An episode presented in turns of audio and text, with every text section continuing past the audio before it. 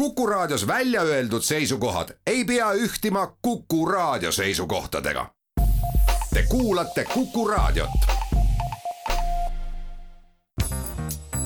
järjejutt. Jussi Worsley, Agatha Christie, tabamatu olemusega naine, kirjastuselt tänapäev. järjejutt. Agatha Miller kasvas üles erilises kohas.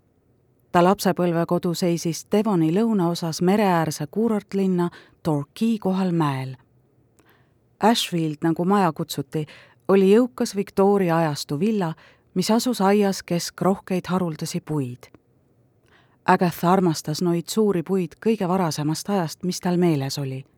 suur pöök, mammutipuu, männid, jalakad ja roheline rohust haldjaring aurakaaria puu juures, kus ta mängis oma rõngaga. aed on kadunud. Ashfield on juba kaua aega tagasi lammutatud. kuid kui kõndida nüüd seal kortermajade vahel, on üks asi samaks jäänud. ikka veel on kauguses näha merd, mõnikord suurte tormikuhjatistega, mis kogunevad üle lahe Brixhami kohale vaatamata kõigile eelseisvatele seiklustele jääb Agatha perekonnakodu talle kogu eluks kõige olulisemaks paigaks. vana daamina hakkas ta kirjutama oma elulugu, mis avaldati autobiograafia nime all. ta alustab ja ka lõpetab Ashfieldis, kujutledes ennast aias. pühalik väike tüdruk kahvatute rippuvate linakarva kiharatega. seega oli igati kohane, et Agatha, Frederick ja Clara Milleri tütar, sündis viieteistkümnendal septembril tuhande kaheksasaja üheksakümnendal aastal just nimelt kodus. ämmaemand aitas tillukese Agatha ilmale esmaspäeva pärastlõunal. ta oli kolmekümne kuue aastase ema kolmas laps ja näib olevat rõõmu toov hiline laps. Claral, tegelikult Clarissal, juba oli tütar ja poeg, vastavalt üheteist ja kümneaastane sünni juures viibis ka Agatha vanatädi Margaret. Agatha ema-tädina oli Margaret ka tema isa kasuema, mistõttu Millerid kutsusid teda vanatädikeseks. jah, see oli keeruline perekond. tuleb keskenduda, et meeles pidada, kes on kes, peaaegu nagu jälgiks detektiiviromaani tegevust. Need keerulised perekonnad, mida sageli leiame Agatha kirjutistest, said alguse kodust Agatha sündimise ajaks oli Millerite perekond piisavalt oluline, et sellest teatada nii kohalikus ajalehes kui ka Londoni ajalehes Morning Post. ta isa, Frederick Alva Miller, oli panustanud raha mäe all paikneva kaheksasaja kohalise kõigi pühakute kiriku hiljutisse ümberehitusse, kus Agatha ristiti. kiriku registrisse pandi auastme või elukutse näitajana kirja Gentleman ristimisvanni ümber oli muljetavaldav sponsorite hulk. Kohaliku haigla presidendi naine, üks kõrgesti sündinu ja tulevane vikont. võib-olla seetõttu, et see kolmas beebi paistis Clarale ootamatu kingitusena, läks peaaegu kaks kuud, enne kui ta palkas tavapärase medõe, kes pidi aitama lapse eest hoolitseda. ta beebi oli iludus. Agatha silmi kirjeldatakse mõnikord hallide, teinekord siniste ja mõnikord rohelistena. Fotodel on ta mähitud peaaegu liikumatusse asendisse, suursuguse hilise Victoria ajastu beebi tärgeldatud valgetesse puuvillastesse rüüsidesse ja mütsidesse. Väikesel Agathal paistab puuduvat soov millegi järele, mida selles asjade ja mööbliga liigselt koormatud ja liiga enesekindlas rokokoo stiilis majapidamises pakkuda oli.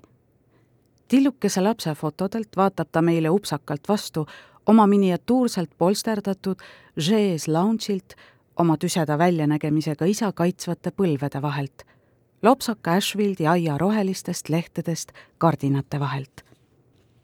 Agathal oli veel midagi, mida Victoria-aegse fotograafia jäik žanr edastada ei suutnud. see oli joie de vivre, elurõõm. tal õnnestus elada hetkes ja ta oli uhke oma oskuse üle kasutada kõike kõige paremini ära. Ta enda tütrepoeg, kellega ta oli väga lähedane, ütleb, et tal oli eriline anne olla õnnelik. selle Victoria ajastu tüdruku juures polnud midagi pepsi või stereotüüpiliselt viktoriaanlikku.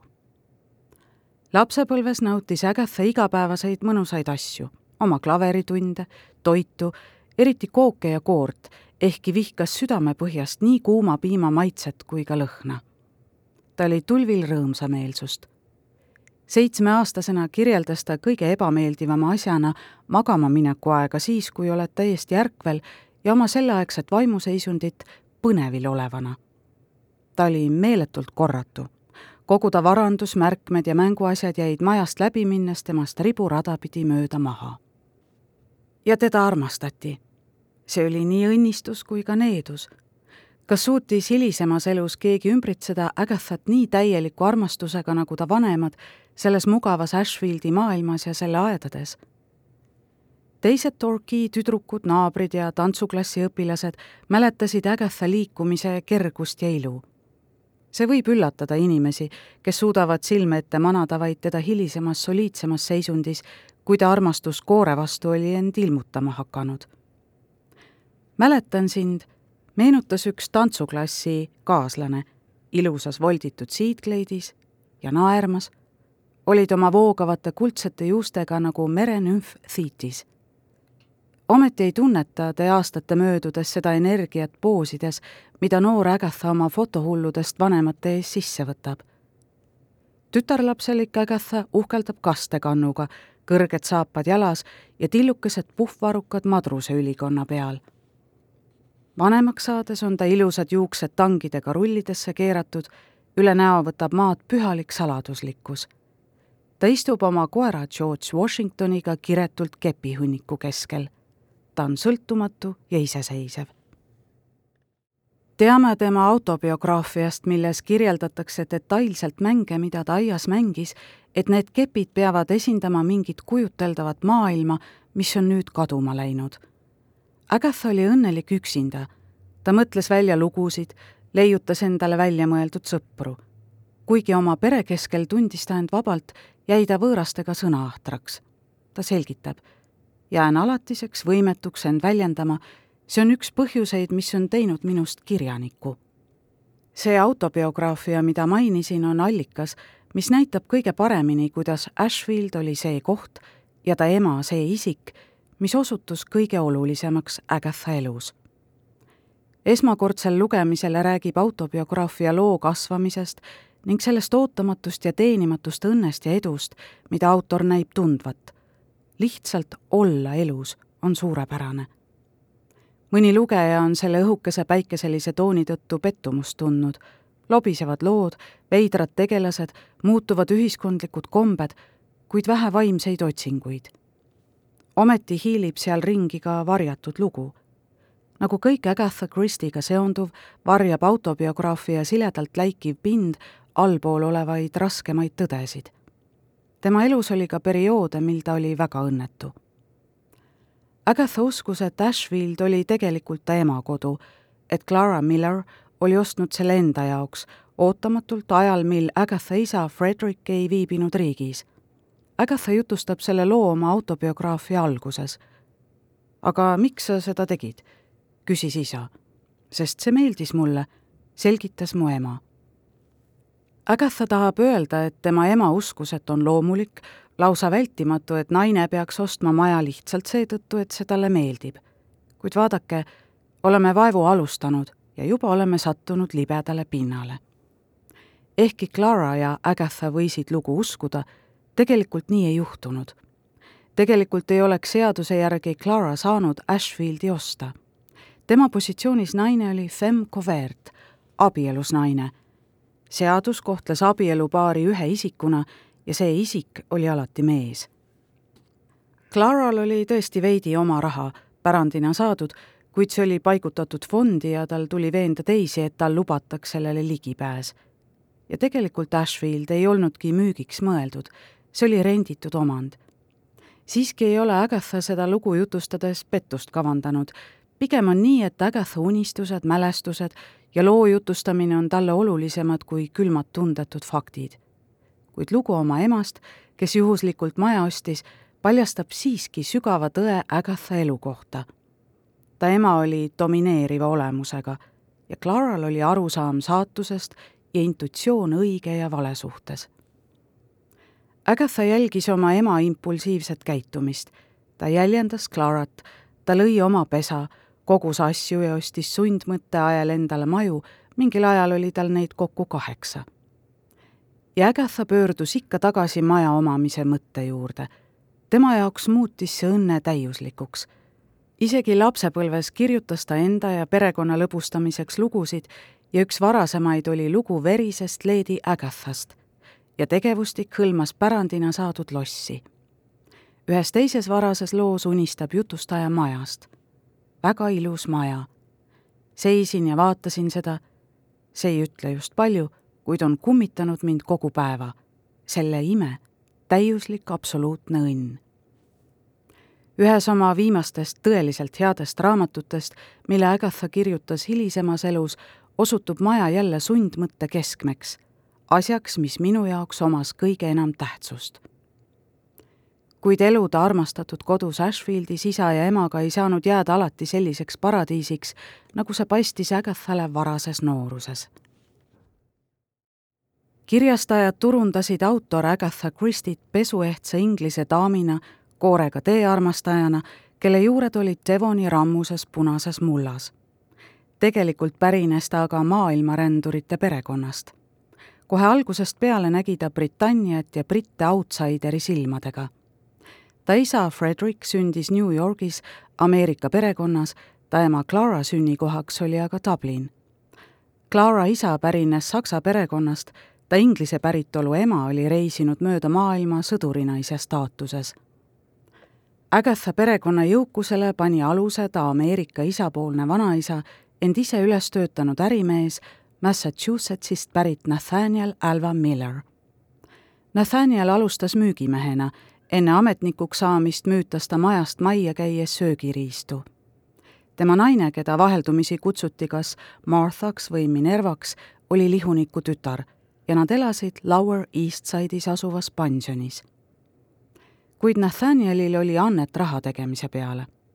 Ta tõusis alamametniku seisusest partneriks hulgimüügifirmas Claflin Mellon and Company. tegu oli Broadway'l tegutseva elujõulise äriga. Millerite poeg Frederick sündis kolmekümne esimesel oktoobril tuhande kaheksasaja neljakümne kuuendal aastal. kui Frederick oli alles viieaastane, suri ta ema kopsuhaigusesse pärast seda muutus Nathaniel üha enam Euroopa-meelseks.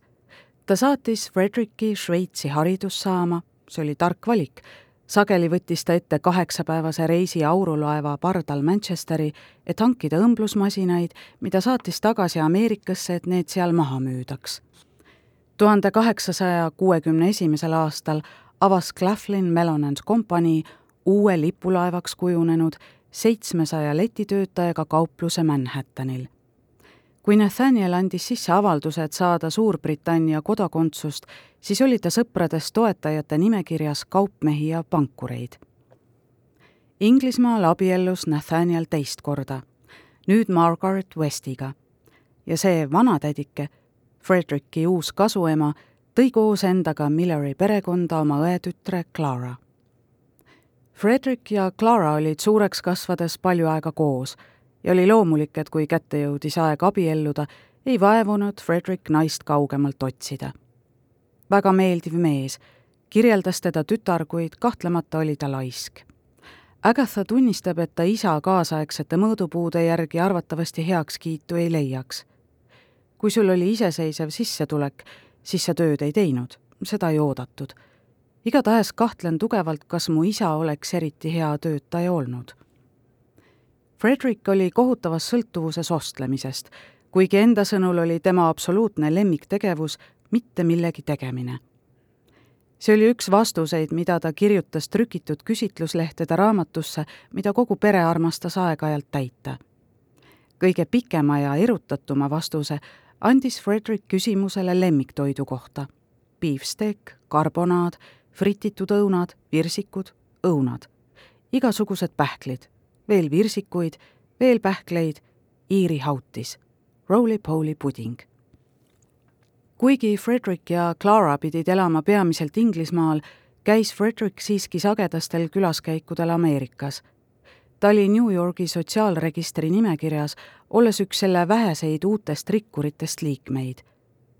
hoolimata ta isa karjäärist, olid isa sõbrad varmad selgitama, et Frederick ise ei olnud kunagi äris tegev ja kõik New Yorgi ühiskonna liikmed võtsid ta omaks. kuid Frederick ja Clara otsustasid rentida maja õdusas ja seltskondlikus Inglise merekuurordis Torquays Frederick, kellele oli alati meeltmööda kuulumine igasugustesse ühingutesse, oli jahtklubi liige ja pidas punktiarvestust Torquay kriketiklubis. olin ülimalt uhke, et mul lubati abiks olla, meenutas Agatha ja ma võtsin seda väga tõsiselt. Tuhande kaheksasaja üheksakümnendatel aastatel teati Torquay'd põhiliselt sobiva kohana pehme talve veetmiseks Fredericki ja Clara esimene laps sündis renditud majas üheksandal jaanuaril tuhat kaheksasada seitsekümmend üheksa. loomulikult sai beebi endale nimeks Margaret vanatädi järgi. kuid Agatha vanemat õde hakati üldiselt tundma Madge'i nime all. Hoolimata tugevatest kirgedest igatses Clara Margaret Böömer tegelikult stabiilsust. ta oli armee ohvitser Friedrich Böömeri tütar ta isa sündis Martiniikil sakslasest isa ja tema inglannast naise Polly Perre. paaril oli viis last, neli poissi ja Clara ise, kes sündis siis, kui Friedrich teenis Dublinis. kui Friedrich armeest erru läks, viis ta pere Jersey saarele, kus ta suri. Agatha sõnul tappis ta kukkumine hobuse seljast. kohaliku kirikuraamatu proosalisema tõenduse kohaselt suri ta bronhiiti see jättis Polly olukorda, kus tal tuli üles kasvatada viis last armeepensionil ja ta järeltulijail oli oht kaotada habras pide keskklassi staatusega. seega saatis ta üheksa-aastase Clara oma õe Margareti vanatädikese juurde elama, kes oli abiellumas rikka Ameerika ärimehega. Clara ei suutnud unustada, et tema enda ema oli ta ära andnud. ta jäi abivajajaks ja klammerduvaks, kaldus viima end kohutavatesse seisunditesse. Agatha pidas oma ema ujedaks ja enda suhtes haledalt ebakindlaks. Clara elu Millerite vaese sugulasena põhjustas temas ebakindlust, kuid uued uurimused näitavad, et kogu tema perekonnaliinis oli kalduvus vaimuhaigusele. Clara vanem vend Frederick lasi ennast maha. Nõbu Amy Pöömer uputas enda, nagu ka teine nõbu Clara vanaonu suri vaimuhaiglas ja ka ta vanatädi oli teatud aja tuhande kaheksasaja viiekümnendal aastal vaimuhaiglas. ta vananõbu suri tuhande kaheksasaja kaheksakümnendal aastal varjupaigas Maaniasse, samas kui selle nõbu õde pandi tuhande kaheksasaja üheksakümne esimesel aastal samuti vaimuhaiglasse. veel üks tolle põlvkonna nõbudest mõisteti süüdi naise peksmises ja alkoholismis kas kõik need asjaolud olid omavahel seotud või mitte, ei ole tähtis. Need olid sedasorti lood, mis panid Victoria ajastu perekonna hirmu ja häbi tundma. hullumeelsus, nagu inimesed seda nimetasid, tema ema perekonnas hakkas kummitama Agatha kirjutistes. üks kahekümnenda sajandi kõige populaarsemaid autoreid kirjeldab ülemkeskklassi kuuluva tüdruku täisealiseks saamist tuhande üheksasajandate aastate alguses olime ümbritsetud kitsaste piiravate seltskondlike kommete taraga. meid toideti snobismiga. olime isoleeritud igasugusest kokkupuutest või teadmisest neist inimestest, kes jäid väljapoole meie endi aktsepteeritud klassi. autor oli tegelikult Barbara Cartland, kes nagu Agathagi oli kaotanud nooruses varanduse ja isa Agatha puhul olid need piiravad seltskondlikud kombed isegi raskemad lahendada, sest kuigi Millerid olid oma kastikuuluvust minetamas, soovis Clara oma nooremale tütrele ikka tõusu seltskondlikus hierarhias. Agatha peab abielluma enda sotsiaalsest klassist veidi kõrgemale kuuluva inimesega. Agatha ema uskus, et see juhtub suurema tõenäosusega siis, kui ta tütrele haridust ei võimalda Clara arvas, et parim viis tüdrukute kasvatamiseks on võimaldada neile hea toit, värske õhk ning mitte sundida mingil viisil nende vaimu.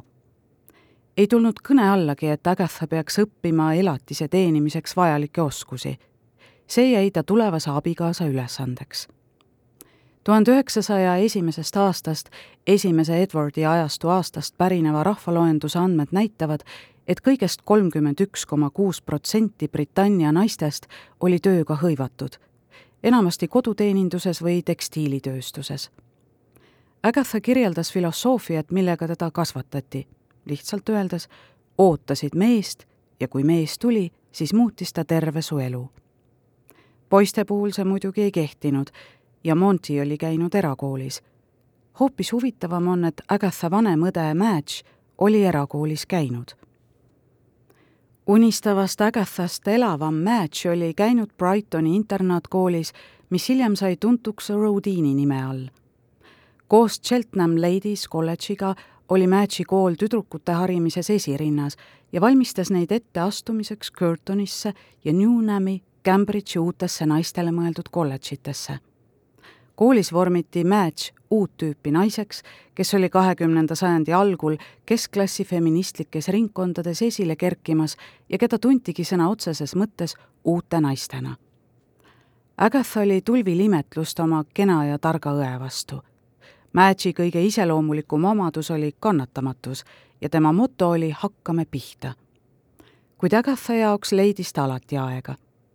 loodan, et pead end väga sündsalt üleval, on kirjas ühes ta internaatkoolist saadetud kirjas ja mind ära ei unusta. Madge oli üks neid inimesi, kes suudavad teha peaaegu kõike, mida ette võtavad, mõtles Agatha. kui Madge võttis ette lugude kirjutamise, avaldati need ajakirjas Vanity Fair. kuid kui Madge koolist koju saabus, ei olnud vanemad temaga rahul. teda kuuldi väljendamas arvamust, et halbadel inimestel on lõbusam elu kui headel. Agatha pani tähele, et õest oli hakanud tulvama rohkelt seksuaalset kütkestavust. see tekitas ärevust. kui tuli aeg, otsustasid vanemad, et Madge ei peaks Curtonisse minema. selle asemel peaks ta sisenema abieluturule. seal läks Madge'il ennustatavalt hästi. kuid Margaret Miller oleks korraliku julgustuse najal võinud oma eluga kindlasti midagi erakordsemat ette võtta pärast pettumust valmistanud eksperimenti Madge'iga pöördus Clara Agatha puhul traditsioonilisema hariduse poole, kus rõhku pandi muusikale, prantsuse keelele, vestlusele ja loomusele. Clara ei käitunud ebaharilikult. tuhande kaheksasaja üheksakümnendatel aastatel uskusid paljud, et tüdrukute üleharimine on nende tervisele liialt pingutav.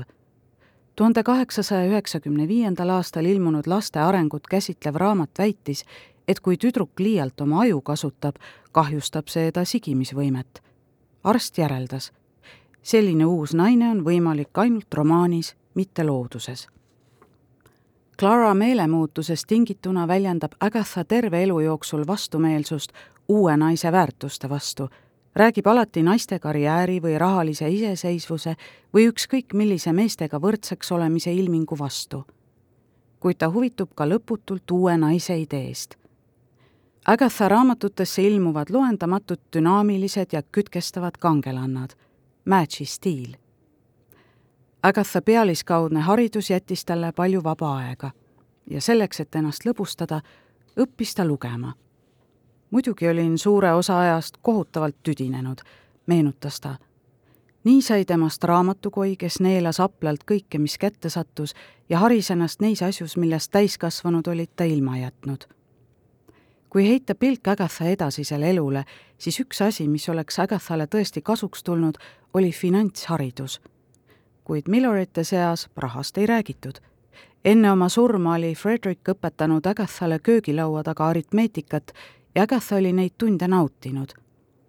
Agatha arvas hiljem, et kui ta oleks läinud korralikku kooli, oleks ta seal hea meelega korralikult matemaatikat õppinud, sest oli seda alati huvitavaks pidanud siiski käis ta paar korda nädalas Miss Mary Gyeri pool, kelle erakool daamidele Torquay sai nime halva kuulsusega Curtain Halli järgi. kuid ülejäänud aja tundis Agatha rõõmu raamatutest. mind kasvatas Dickens, ütleb ta. armastan ka Jane Austenit, kes siis teda ei armastaks ametliku hariduse puudumine jätab Agathale alles ebatavalise vaimuvärskuse kuid hiljem haritud inimestega kokku sattudes tunneb ta ka alaväärsust. kui ta on välja kasvanud Millerite foobiatest uue naise suhtes, kasutab ta isegi hariduseta jäänute pahameelt mõrvamotiivina. olin alati tark, isegi tüdrukuna juba, ütleb üks tema naismõrvaritest, kuid nad ei lasknud mul midagi teha. pidin koju jääma, mitte midagi tegema. ja lõpuks ajab ängistus ta tapmiseni Millerite fotodel on teismelisel Agathal väljakutsuv jahe ja saladuslik silmavaade. ta kasvab pikaks ja sportlikuks, ta lamaskleb jahil, sõidab rulluiskudel, mängib tennist ja kõike seda oma Edwardi aegse nooruse tohututes kübarates ja herilase pihaga kleitides. Agatha kirjeldas füüsilist valu, mida põhjustas mood. väikese pluusi ülal hoidva krae traatspiraalidest põhjustatud agoonia laknahast pärastlõuna või peokingad üsna kõrgetel kontsadel, kõik see oli äärmiselt ebamugav. Agatha pidi pidudele minema jalgsi kontsakingadel, sest Millerite rahakott ei võimaldanud nüüd tõlda või taksot võtta. kuid luksust sai ta ikka veel kogeda külaskäikudel Matchi juurde. Matchi abikaasa perekonnakodus, luksuslikus Abney Hallis Cheadle'is oli ta teretulnud külaline siin sai ta teada, kuidas elada maal härrastemajas ja kuidas läbi saada jõukate inimestega. Madge'i abiellumise otsus kahekümne kolme aasta vanuses mõni kuu pärast Fredericki surma pidi olema tehtud talle mitteomase ebakindluse hetkel. tema isa ei olnud James Wattsi kosilasena eriti soosinud.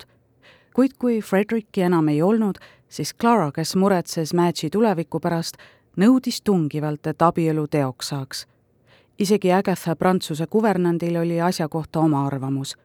kuvernant arvas, et James on Madge'i jaoks hea valik. talle sobib hästi vaikne ja kindel abikaasa ja mees on temaga rahul, sest ta on hoopis teistsugune.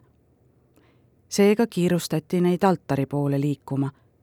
Madge oli kahekümne kolme aastane ja James kakskümmend neli ja üheteistkümneaastane Agatha nautis esimeseks pruutneitsiks olemise tähtsust Jamesile või Jimile, kes oli äsja Oxfordi lõpetanud, sai osaks üle võtta perekonna tekstiiliettevõte. ta oli mõistlik sell, Agathale oli ta alati meeldinud. mehe suurimaks vooruseks oli tema usaldusväärsus. Madge asus nüüd usaldusväärse Jamesiga elama soliidses Manor Lodge'is, Cheadle'is, oodates aega, mil ta saab Abney Hallis asuva suure maja pärijaks Watside perekond oli omandanud Abney kaks põlvkonda tagasi. kui Agatha hakkas seda aastal tuhat üheksasada kaks külastama, olid sealsed elanikud Madge'i ämm ja ei, nende kokk, kaks teenijannat, köögi ja teeninduse eest vastutavad teenijannad, neli majateenijat ja amm. pargis elasid Watside aednikud, mõisavalitseja, farmer ja karjane, õmbleja elutses pargis asuvas väikeses majakeses Agatha tuli esiotsa kohale jõuludeks ja pühadeks. alates aastast tuhat üheksasada kakskümmend kuus, kui Madge ise oli majaperenaine, oli ta alati teretulnud. Abnis, kirjutas Agatha, olid käigud, ootamatud astmed, tagatrepid, eestrepid, alkoovid, nišid, kõik, mida üks laps võis maailmas soovida. ainus, millest puudu oli, oli päevavalgus. seal oli märkimisväärselt hämar arhitektuuriajaloolane on kirjeldanud halli Puccini stiilis gootika selle kõige külluslikumas ja seetõttu kõige rõhuvamas vormis. seal oli veel kolmsada õlimaali ja lõvitopis. Agatha oli liiga noor, et hinnata Abney sünget helklevat interjööri, mis tuhande üheksasaja teiseks aastaks oli moest läinud. Puccini loodud hallist sai Victoria kõrgajastu pärl see hõõgus ultramariinist, kinaverist ja sügavpunasest kuid Agatha kirjeldas selle stiili parima Victoria-aegse tualettruumina. selles oli oma osa Jimmy Wattsi vanaisal, Sir James Wattsil. ta oli alustanud kangruna enne piisavalt suure drapeeringuäri rajamist, et omandada Veneetsia palatsokujuline kaubaladu ja oli olnud ka Manchesteri linnapea tema Victoria-aegne palee innustab Agatha kujutlusvõimet tema tulevastes töödes paljudel kordadel selle palee suursugusus sünnib uuesti Enderby Hallis, kus Abernethi perekond koguneb romaanis Pärast matust. Nende jõukus tuli konnasilmaplaastrite valmistamisest. romaanis Mäng peegliga saab Abnist Stoney Gates, milles tegutseb psüühikahäiretega lasteasutus. ja romaanis Paddington kuusteist viiskümmend on raudtee Rutherford Halli pargi kõrval just samamoodi nagu Abney pargist viisid raudteeliinid Manchesteri ja Stockporti. samavõrra oluline oli Agatha jaoks õe abielu kaudu talle tekkinud uus ja taltsutamatu perekond. Jamesil oli viis nooremat õde-venda. kõige noorem Nan oli eriti nipsakas ja pöörane. ta ladus järjest neetuid ja paganaid ja kord värvis ta põrsad roheliseks. Nannist sai Agatha eluaegne sõber Agathale meeldis eriti asjaolu, et Watside peres oldi entusiastlikud teatrikülastajad ja esinejad. tõepoolest, üks Madge'i mehevendi pidas elukutseliste teatrit. Watsid omakorda leidsid vaikse Agatha olevat vähekese peast segase. Nad kutsusid teda unistuste lapseks või siis sinisilmseks. kuid nagu paljud häbelikud inimesed, võis Agatha end laval teiseks muuta. ta lõbustas oma sugulasi improviseeritud pantomiimidega kõige enam meeldis mulle poisi peaosa mängida, räägib Agatha meile, selleks tuli tal oma õe sukki laenata. Noel varastel aegadel tähendas Abni Agatha jaoks pidusööke ja lõbutsemist. ainult kõige tähelepanelikumad vaatlejad oleksid võinud kahelda, kas halli maja perenaiseks olemine saab täielikult hõivata tähelepanuväärse Madge Watsi aega ja annet.